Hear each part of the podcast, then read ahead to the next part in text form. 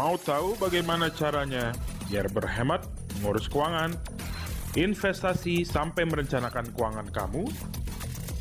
Dengerin aja Financial Talk podcast setiap hari Selasa. Mari kita sambut host kita, Melvin Mumpuni. Halo Sobat Finansialku, kembali lagi menemani kesibukan kamu. Di hari ini kita akan ngobrolin satu topik yang luar biasa Yaitu ngobrolin, wow, keburu tua sebelum kaya. Wow men, kondisi yang sangat-sangat menyebalkan ya. Kita udah keburu tua tapi belum kaya. Aduh nggak enak banget nih. Dengar ini aja nggak enak, apalagi kalau dijalanin, bener ya Nah, dalam podcast kali ini saya ingin bercerita pengalaman saya mengikuti sebuah acara itu namanya Investor Summit di Yogyakarta. Ada satu hal yang membekas sekali di ingatan saya, yaitu kata-kata dari Pak Katib Basri. Beliau mengatakan, ada potensi ya ketika memasuki usia tua atau disebutnya istilahnya itu aging population. Milenial di Indonesia itu terancam keburu tua sebelum kaya yang teman-teman tahu lah kalau milenial Indonesia itu sekarang ya usianya antara 20 sampai katakanlah 40 tahun lah. Nah nanti aging populationnya itu kurang lebih 20 tahun lagi nih dari tahun 2019 atau 2020. Berarti sekitar tahun 2040 akan ada banyak orang di Indonesia yang sudah keburu tua tapi belum kaya. Karena saya masih milenial dan kamu juga pastinya masih milenial, Kayaknya kita ngeri-ngeri sedep gitu ya dengarnya ya. Nah, so kita bahas deh, apa aja yang nyebabin milenial Indonesia itu bisa terancam keburu tua sebelum kaya, dan kira-kira ada solusinya nggak? Stay tune. Sebelum bahas lebih detail, Sobat Finansialku dapat mengirimkan pertanyaan atau curhat keuangan melalui fitur Tanya Perencana Keuangan di aplikasi Finansialku. Dan jangan lupa kasih hashtagnya, hashtag curhat keuangan. Salah satu curhatan kali ini adalah dari Mas D di Jakarta. Mas D ini mengatakan, saya mau curhat mas, saya ini sekarang sudah kerja lebih dari lima tahun, penghasilan saya sudah bagus sih, rata-rata mencapai 20 juta per bulan. Penghasilan itu murni dari gaji dan bonus penjualan. Oke, berarti bidang pekerjaannya di industri atau di kerjanya sebagai seorang sales mungkin ya. Selama ini saya hanya menyimpan uang saya di rekening dan atau dianggurin aja gitu. Oke, saya punya keinginan untuk investasi dan mau supaya uang saya juga bertumbuh. Tapi karena terlalu banyak mikir dan nggak punya waktu untuk mempertimbangkan pilihan instrumen yang tepat, akhirnya saya nggak jadi-jadi invest. Oke, lucu juga ya, nggak nggak jadi invest karena kebanyakan mikir dan nggak punya waktu. Tahun ini saya punya resolusi untuk investasi sebagian dari gaji 20 juta saya untuk masa depan. Mas semoga Mas bisa bantu saya ya untuk kira-kira milih instrumen investasi apa yang tepat untuk saya. Terima kasih. Oke, so Mas D di Jakarta, saya saya cukup paham konteks ceritanya Mas ya yang udah kerja lebih dari lima tahun, punya penghasilan sampai 20 juta per bulan, tapi masih diambang keraguan gitu, masih ragu gitu. Instrumen investasi apa sih yang tepat buat saya gitu atau buat Mas D gitu saya sengaja nih milih kasusnya atau curhatnya Mas D ini karena saya yakin teman-teman sobat finansialku pun juga ada yang mengalami kasus yang sama seperti Mas D. Udah kerja sekian lama, punya income sekian rupiah, tapi nggak bisa nabung gitu, nggak bisa invest gitu. Nah, kalau kamu punya kenalan yang juga punya penghasilan, terutama kalau penghasilannya cukup besar, tapi bingung cara investasi yang tepat, maka kamu bisa bantu mereka Caranya gampang, kamu share aja podcast ini. Kamu bisa podcast di lewat WhatsApp, lewat Instagram, itu bisa di story kamu juga. Kasih tahu mereka, tag mereka. Nah, beberapa hal yang bisa Mas D lakukan menurut pendapat saya. Let me share my view. Mas D dan teman-teman sobat finansialku yang bingung dalam memilih instrumen investasi yang tepat, lakukan hal ini. Pertama, Sebelum berpikir mengenai investasi, saya sarankan Mas D dan sobat finansialku mengamankan kondisi keuangan. Yes, langkah pertamanya simpel banget. Siapin dulu yang namanya dana darurat atau dana talangan. Gini loh, nih ya contoh untuk Mas D. Saya sarankan kalau Mas D itu punya 6 kali pengeluaran bulanan. Contoh nih, Mas D ini income-nya tadi 20 juta per bulan. Dan katakanlah pengeluaran bulanannya mencapai 10 juta rupiah. Nah, jadi Mas ini perlu invest sebesar 6 kali 10 juta rupiah, yaitu 60 juta rupiah. Nah, tujuannya buat apa sih 60 juta ini? Ini tujuannya kalau Mas D, kamu punya atau kamu menghadapi kejadian-kejadian yang sifatnya mendadak banget, tiba-tiba ban bocor atau tiba-tiba harus ada perbaikan uh, rumah atau perbaikan apa pun itu. Kamu bisa pakai nih uang sebesar 60 juta di dana darurat kamu. Dana darurat ini 60 juta tadi itu bisa kamu bagi nih. Contoh ke rekening tabungan 20 juta, ke deposito 20 juta, ke reksadana pasar uang 20 juta. Simpel kan? Ya, nggak terlalu rumit kok. Perencanaan keuangan tuh simpel banget. Nah, supaya Mas D nggak ribet, saya sarankan Mas D ini buka rekening baru aja di bank. Yang cari ya, bank yang bisa buka rekening, deposito, dan bisa beli reksadana secara online.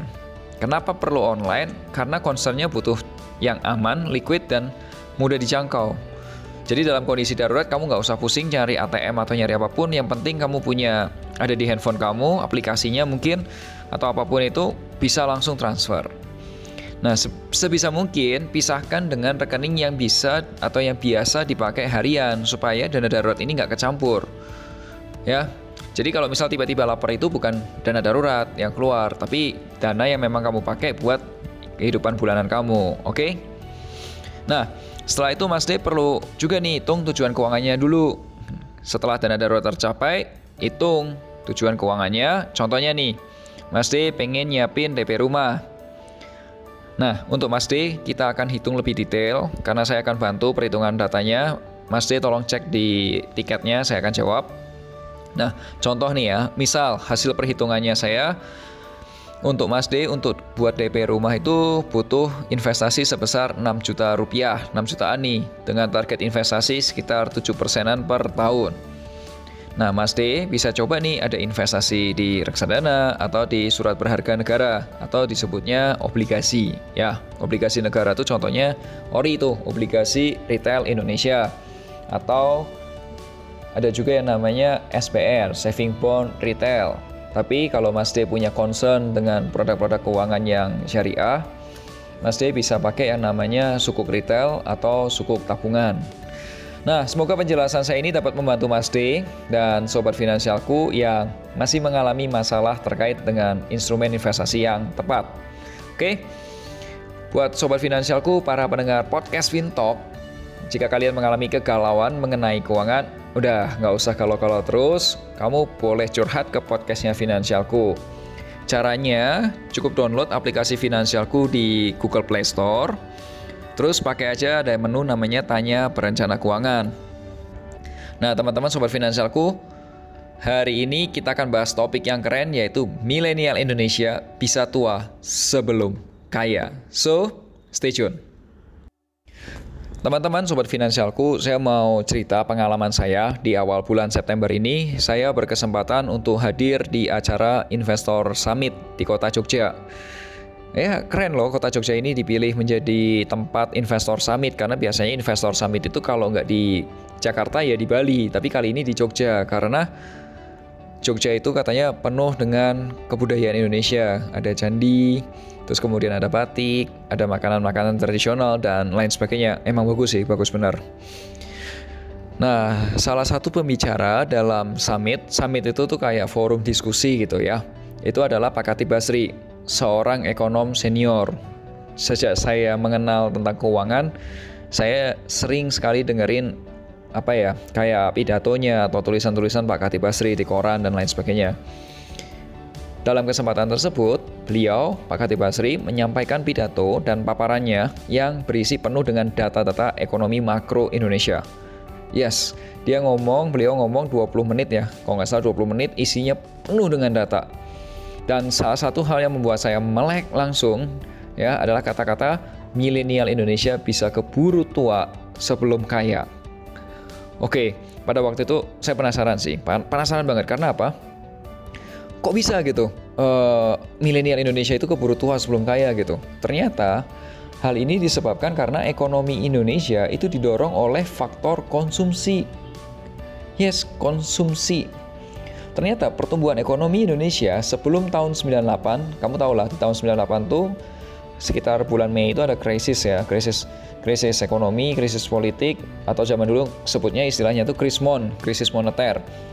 Dan setelah tahun 98 ternyata ekonomi sebelum 98 dan setelah 98 tuh berbeda jauh gitu. Sebelum tahun 98, ekonomi Indonesia itu didorong oleh pertumbuhan dari investasi produktif. Nah, setelah tahun 98, ekonomi Indonesia itu didorong oleh belanja yang bersifat konsumsi atau konsumtif. Nggak cuman nggak cuma ngomongin pemerintah, tapi juga ngomongin ke masyarakatnya juga, orang-orangnya, kita itu. Nah, menurut saya, milenial di Indonesia, terlebih nih ya, di kota-kota besar, kamu pasti tahu kok yang namanya produk-produk keuangan. Ada yang namanya deposito, ada surat utang pemerintah atau obligasi pemerintah, obligasi retail Indonesia, ORI, saving bond retail, SPR, atau surat berharga negara, contohnya sukuk retail, sukuk tabungan, kamu juga kenal yang namanya reksadana, saham. Kamu tahu kok. Saya yakin kamu tahu. Tapi cuma sejauh tahu. Hanya tahu tapi nggak action. Misal pun ada yang action, biasanya itu investasinya 100 ribu dan selesai. Berharap uang 100 ribunya itu ibarat kayak kamu tanam kecambah gitu, berharap itu akan tumbuh dan tumbuhnya menjadi satu miliar. Dan hal itu sangat-sangat nggak mungkin. Uang 100 ribu bisa jadi satu miliar. Kalau kamu cuma 100 ribu doang, sulit sekali. Kenapa kok saya terkesan gemes banget gitu ya ngomongin di podcast kali ini gitu. Karena gini, satu kalimat Pak Kati Basri itu mengingatkan bahwa visi finansialku yang ingin bantu masyarakat Indonesia mewujudkan tujuan keuangannya dengan literasi keuangan, inklusi keuangan, dan perencanaan keuangan itu masih sangat-sangat jauh sekali ya yang aku kerjain udah selama itu tuh ternyata masih jauh banget gitu karena potensinya milenial Indonesia bisa keburu tua sebelum kaya gitu. Ya sobat finansialku yang mendengarkan podcast kali ini, apa yang bisa kamu lakukan? Saya rasa kamu harus segera bergerak. Kamu harus segera action, kamu jangan kebanyakan berpikir. Oke, okay, so apa yang harus kamu lakukan? Ya mulai aja dulu dari diri kamu sendiri. Ya kan? Seperti Mas D, ya mau nggak mau ya siapin dulu lah dana darurat kamu mulailah investasi terus racunin tuh teman-teman kamu lewat apa sosial media Instagram WhatsApp keluarga kamu WhatsApp grup di teman-teman kamu kasih tahu mereka something yang harus berubah gitu kalau nggak kamu dan teman-teman kamu itu bisa keburu tua sebelum kaya kalau kamu sih yang sadar sendirian kamu mungkin sudah tua dan kaya teman-teman kamu yang nggak udah tua juga sama-sama tua tapi nggak kaya-kaya juga Gak enak juga itu. Oke, makanya share. Nah, sekarang time to action. Waktunya kita beraksi.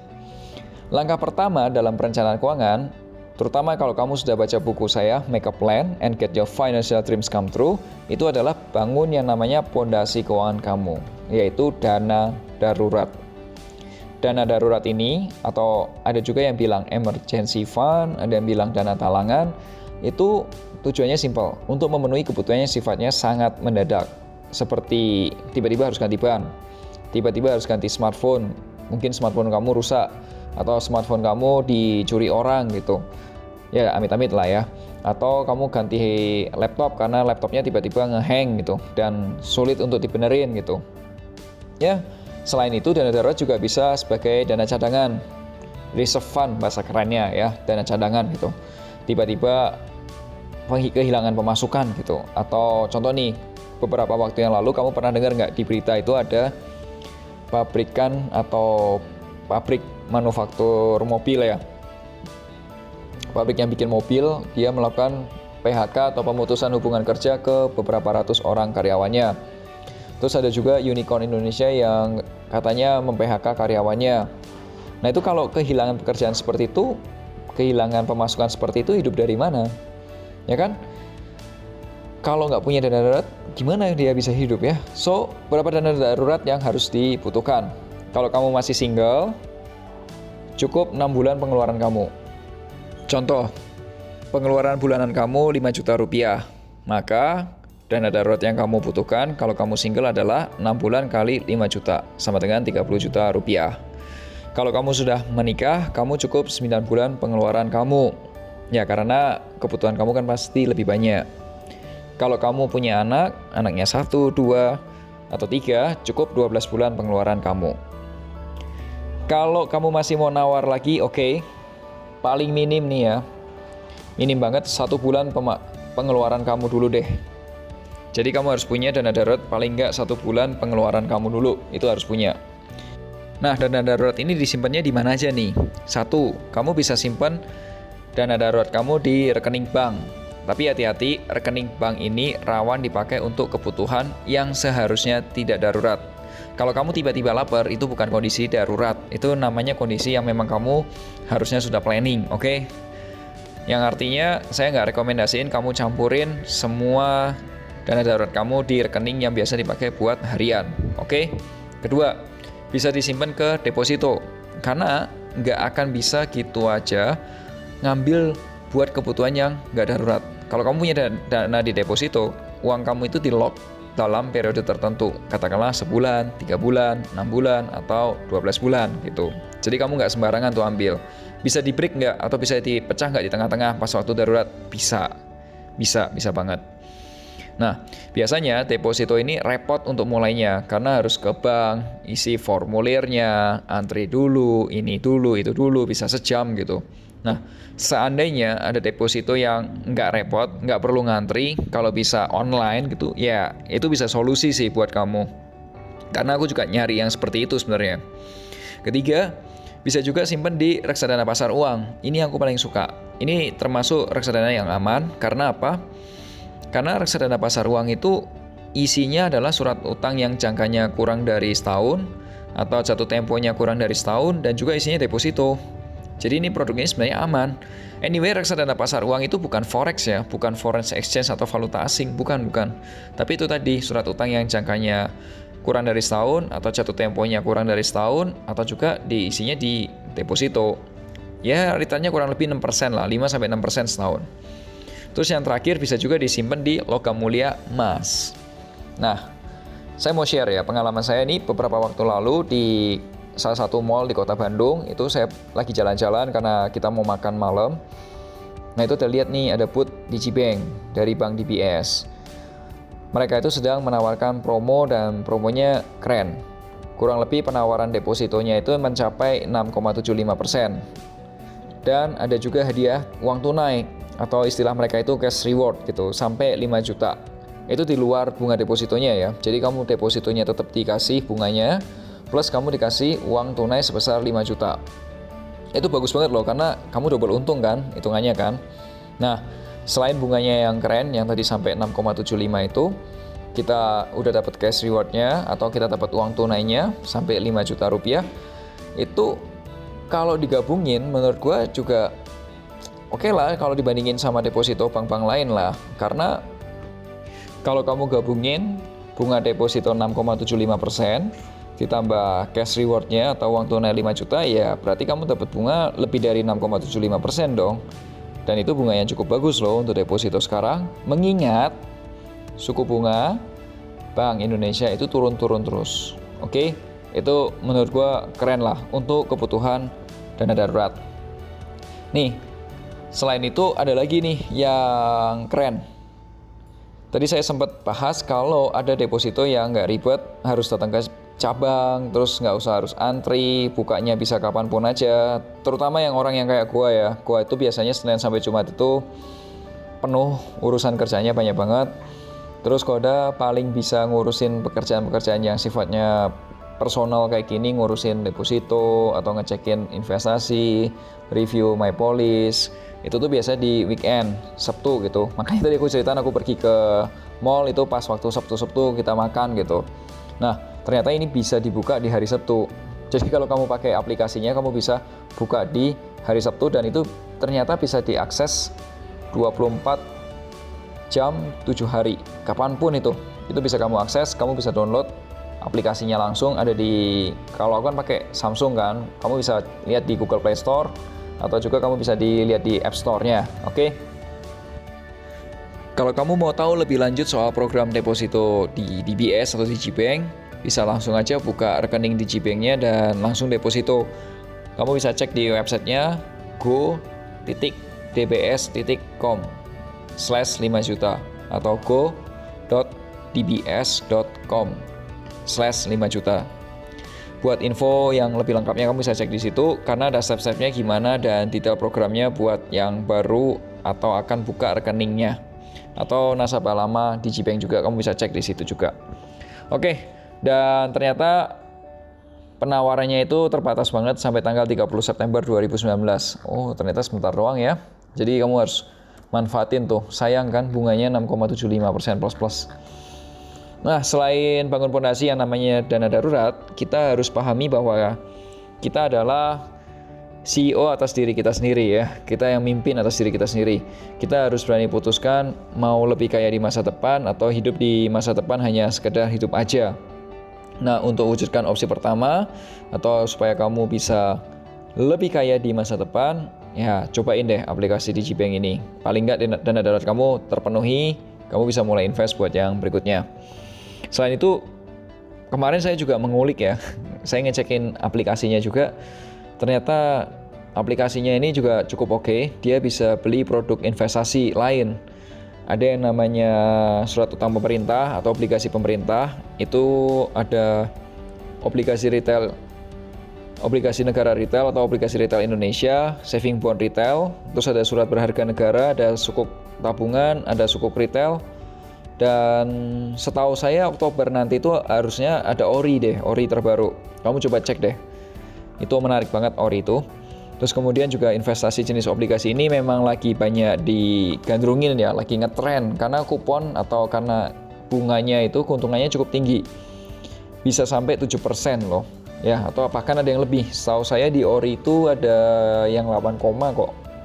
Dan itu bisa dicairin setiap periode tertentunya. Kalau ori setahu saya setiap bulan.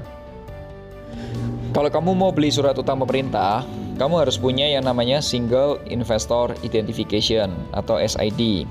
Itu ibaratnya teman-teman punya satu nomor KTP tapi khusus untuk investasi. Nah, kamu juga bisa bikin di Digibank. Bikin SID ini gampang banget, super gampang karena apa? Kamu bisa buat SID ini lewat aplikasi dan enaknya adalah kamu bisa buat SID ini tanpa harus datang ke bank. Tinggal klik menunya di situ ada menu obligasi, ikutin aja instruksinya, suruh masukin nama, email dan lain sebagainya. Nanti akan ada email konfirmasi dua kali 24 jam dan SID kamu udah langsung jadi. Cepet banget ya. Plus akan ada cashback sebesar 50.000 ketika SID kamu jadi. Jadi cuma buat SID aja bisa dapat untung 50.000. Terus beli obligasinya gampang banget, langsung aja lewat aplikasi DigiBank. So, buat informasi lebih jelasnya terkait registrasi SID-nya untuk siap-siap beli obligasi di DigiBank, cek di go.dbs.com slash SID SID ya, SID go.dbs.com garis miring SID jadi itu tadi pembahasan kita mengenai langkah awal apa yang kamu bisa lakukan. Ya, intinya adalah kamu harus mulai bangun dana darurat, kemudian kamu mulai investasi. Tapi nggak usah mikir terlalu panjang, cobain dulu aja. Oke? Dan kira-kira apa nih kesimpulannya? Stay tune ya. Oke, sobat finansialku, tak nggak kerasa sekarang kita sudah di ujung podcast dan Biasanya nih ya, setelah mendengarkan podcast atau nonton YouTube, biasanya ada dua jenis orang nih. Orang pertama adalah mereka yang merasa semuanya keren, baik-baik aja. Semua yang diceritakan Melvin tuh keren, bagus banget. Dan sampai tempat tujuannya, misal kalau orang itu lagi komuter atau lagi jalan di perjalanan, ya udah lupa aja, langsung hektik aja, udah nggak ngerti apa yang mau dilakuin lagi. Malamnya pulang ke rumah, besoknya bangun pagi dan masih menjadi orang yang sama no action, no result. Tapi ada juga orang kedua dan ini yang saya suka adalah mereka yang habis dengar nih podcast kayak gini, mereka coba lakuin action. Besar atau kecil nggak ada masalah, yang penting ya mulai aja dulu. Kayak kata salah satu e-commerce kan, mulai aja dulu. Kalau males ya maksain dulu aja. Biar sedikit asal konsisten ya lama-lama kan dampaknya juga akan terasa, bener nggak? Ya kan? Nah semoga dana darurat kamu segera terpenuhi kamu bisa mulai aman secara keuangan dan kamu mulai bisa merencanakan keuangan kamu, berinvestasi, dan mewujudkan semua tujuan keuangan kamu. Semoga penjelasan ini dapat bermanfaat untuk kamu, Sobat Finansialku, dan akhir kata, make a plan and get your financial dreams come true. Sampai jumpa di podcast berikutnya.